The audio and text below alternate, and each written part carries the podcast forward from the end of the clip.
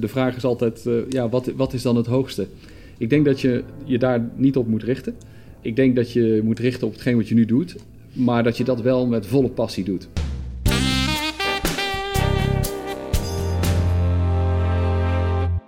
Gemiddeld zit een CEO in Nederland 1347 dagen op zijn plek. Dat is dus omgerekend nog geen vier jaar om een stempel te drukken op de koers van de onderneming. Maar hoe verloopt het carrièrepad naar de top? En hoe gericht werken ze toen naar het C-level? Eenmaal aangekomen aan de top, hoe bereid je je dan voor op je korte verblijf op de apenrots? Wanneer weet je of je uit het juiste hout gesneden bent? Hoe voelt een eerste bestuurs- of commissarisvergadering? Wat zijn de valkuilen? Maar ook welke blunders liggen op de loer en welke offers moet je brengen? In deze aflevering Hein Schumacher, 45 jaar, CFO van Friesland Campina. Op de eerste plaats, en ik weet dit klinkt als een enorm cliché, maar op de eerste plaats wil ik natuurlijk gewoon een goed mens zijn. En wil je natuurlijk een goede partner zijn en een goede vader voor je kinderen en, en, en all those things. In 1347 dagen interviewt Raad commissarissen, bestuurders en toezichthouders uit het Nederlandse bedrijfsleven over hun weg naar de top en het leven in en om de boardroom. Door Raad. Hein Schumacher is nu ruim twee jaar CFO bij Friesland Campina. Na gemiddeld 1347 dagen, zo'n 45 maanden, stappen de meeste bestuurders over naar een topfunctie bij een andere onderneming. Wij vroegen Schumacher naar zijn ambities en houdbaarheid binnen Friesland Campina. Heel eerlijk, wat, wat doet het met je dat je zeg maar, de absolute top hebt bereikt? Of heb je het gevoel, er zit nog iets boven? Ja, ik denk dat er nog wel wat boven zit hoor. Ja. Uh, absoluut. Die man die net aan de lijn had even voor dit gesprek. Nou ja, kijk. Die positie. Als, nee, nee, dat is geen doel. Maar natuurlijk, er zit altijd wat boven. En het leuke is volgens mij, dat elke baan die je doet, hoe hoog die ook is, heeft altijd een baas. Iedereen heeft altijd weer een baas. Iedereen heeft een baas. De vraag is altijd, uh, ja, wat, wat is dan het hoogste? Ik denk dat je je daar niet op moet richten. Uh, ik denk dat je moet richten op hetgeen wat je nu doet maar dat je dat wel met volle passie doet. Wat, wat geldt voor de meeste top mensen, mannen en vrouwen, is dat ze gemiddeld genomen uh, 1347 dagen op de absolute top uh, ooit belanden. En uh, dat moment, ik twijfel niet aan dat gaat voor jou aanbreken dat je de echte top ooit bereikt. Maar nu al, en misschien ook in die toekomstige baan die nog voor, die nog voor je ligt, heb je dan ook nog doelen die verder gaan dan de operationele bedrijfsdoelstellingen en dergelijke? Heb je ook nog iets waar je zegt, dit wil ik bereiken, iets hogers? Nou ja, op de eerste plaats, en ik weet dit klinkt als een enorm cliché, maar op de eerste plaats wil ik natuurlijk gewoon een goed mens zijn. En wil je natuurlijk een goede partner zijn en een goede vader voor je kinderen en, en, en all those things. Dat is ook echt prioriteit nummer 1, 2 en 3. Daarna komt alles wat je vervolgens maatschappelijk doet en wat je carrière technisch doet. En ik merk eigenlijk zelf daarbinnen dat, dat je ook daarin verandert. En als ik kijk wat me nu boeit, dat is iets anders dan wat me 10 of 20 jaar geleden boeide. Bijvoorbeeld bij Friesland Campina hebben we in ons strategieproces zijn we begonnen met een, een purpose. En dus een doelstelling voor, het, voor de onderneming. Waarom zijn we nou eigenlijk hier? En die hebben we veel breder geformuleerd dan, laten we zeggen, meer omzet en meer winst maken. Daar hebben we ook gezegd dat we goede voeding willen produceren en vermarkten voor de mensen. En dat ook nog eens een keer betaalbaar willen doen. Dat we een goed inkomen willen genereren voor boeren met wie wij werken. Dus niet alleen onze aandeelhouders, maar in zijn algemeenheid dat we dat niet alleen nu willen doen, maar dat we dat ook voor de komende 20 tot 30 jaar willen doen. En dat betekent dat je dus duurzaam wil opereren, dat je ook een beetje financieel eh, verantwoordelijk wil opereren. Nou ja, kortom, deze doelstelling is heel leidend geworden in de acties die, die ik neem en die we denk ik als raad van bestuur nemen. En dat spreekt mij wel enorm aan. Het feit, je, je noemde dat even in een bijzin van, hè, misschien omdat ik wat ouder ben, hè, 20 jaar had ik, uh, geleden had ik dat anders gedaan. Is dat inderdaad uh, waar dat nou mensen wat ouder worden in de top, dat ze meer over dat soort dingen gaan nadenken? Of is het ook een beetje de trend van het moment dat bedrijven wat meer bewust hun purpose aan het zoeken zijn? Nou, ik denk dat het alle twee wel het geval is. Ik denk dat het de purpose zoeken, dat is iets wat je natuurlijk meer ziet nu, dus dat, dat is zonder meer waar.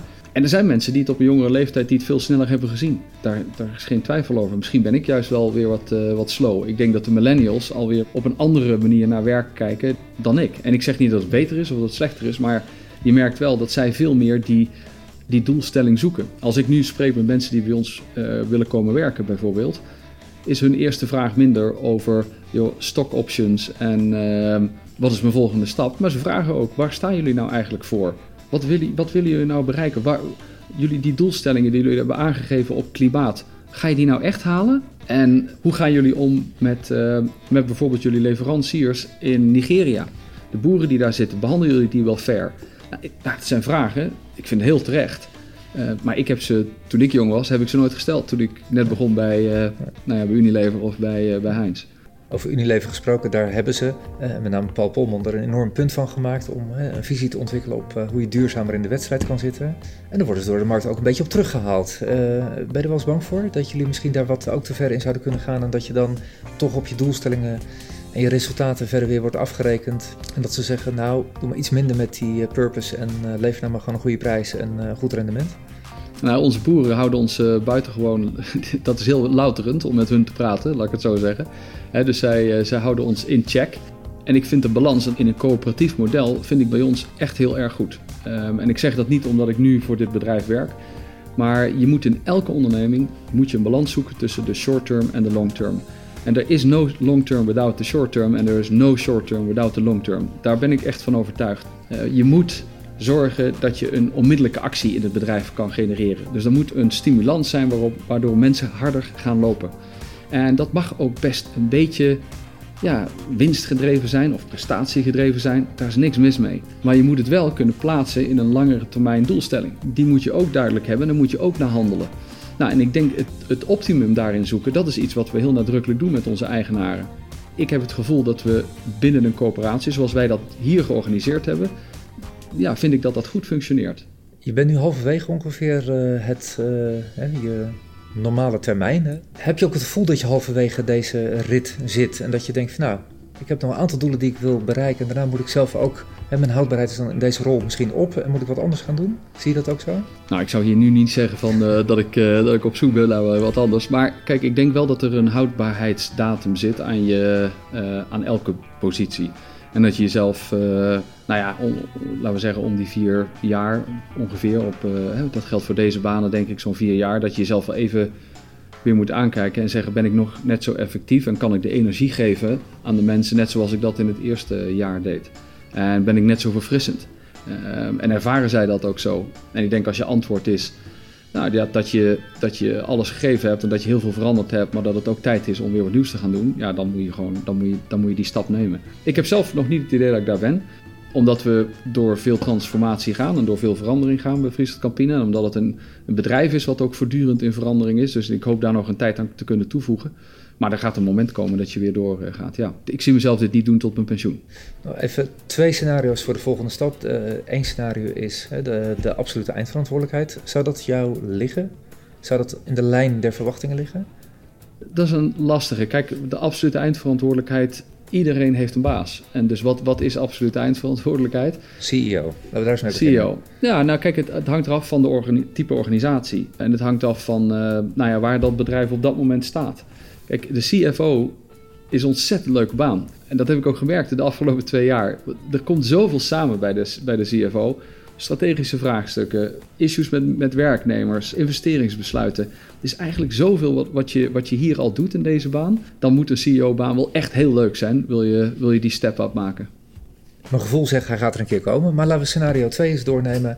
Uh, toch de politiek in. Misschien nog iets doen met je diploma. Mm of barista in Portugal. Uh, omdat je denkt, nou, het is mooi geweest op de tiende. Ik ga lekker aan het strand zitten, koffie draaien en uh, prima. Ja. Zou dat ook een mogelijkheid zijn dat je dat op een x-moment doet? Iets heel anders bedoel dus. Ook wel zeggen, nou ja, ik zou dan de politiek verkiezen boven die barista. Maar goed, nee, het zou kunnen. Ja, het zou kunnen om een keer echt wat anders te gaan doen. Wat is er voor nodig om het roer om te gooien voor iemand in deze positie? Er zijn twee triggers. De eerste is, uh, en dat heb ik nu een paar keer in mijn omgeving gezien, als het je echt even te veel wordt. Uh, ik ben zelf nog niet op dat moment gekomen, maar je ziet mensen op een ochtend wakker worden en uh, dan kunnen ze even helemaal niks meer. En dat geldt overigens zeker niet alleen voor mensen op deze positie. We hebben ook mensen in ons bedrijf waarmee dat gebeurt. En um, ik had toevallig gisteren nog een gesprek met iemand die dat is gebeurd. En die ook in de financiële functie bij ons werkt. En dat gaat me zeer aan het hart ik merk dat, dat dat geeft emotie en dan wil je zo iemand gewoon echt helpen. En ik hoop ook dat ondernemingen, dat daar ook plaats voor is om mensen te laten reïntegreren. En ik denk dat je die menselijke maat altijd moet nemen. Maar als dat mijzelf zou gebeuren, uh, nou dat is wel een moment dat je zegt van uh, ja, nu ga ik eens even echt wat anders doen. Het roer moet om. En dan ga je het rustiger doen, dan ga je de politiek in. nou ja, dan ga je iets totaal anders doen. Dan ga je iets totaal anders doen, denk ik. 1347 dagen is een initiatief van Raad en stoomt de nieuwe generatie commissarissen, bestuurders en toezichthouders klaar voor hun rol in de boardroom. Registreer voor ondersteuning, nieuws, inspiratie en seminars op raad.kpmg.nl/slash 1347. En dit is een nieuwe podcast en daarom helpt het enorm als je hem waardeert op iTunes of waar je je podcast dan ook maar vandaan haalt.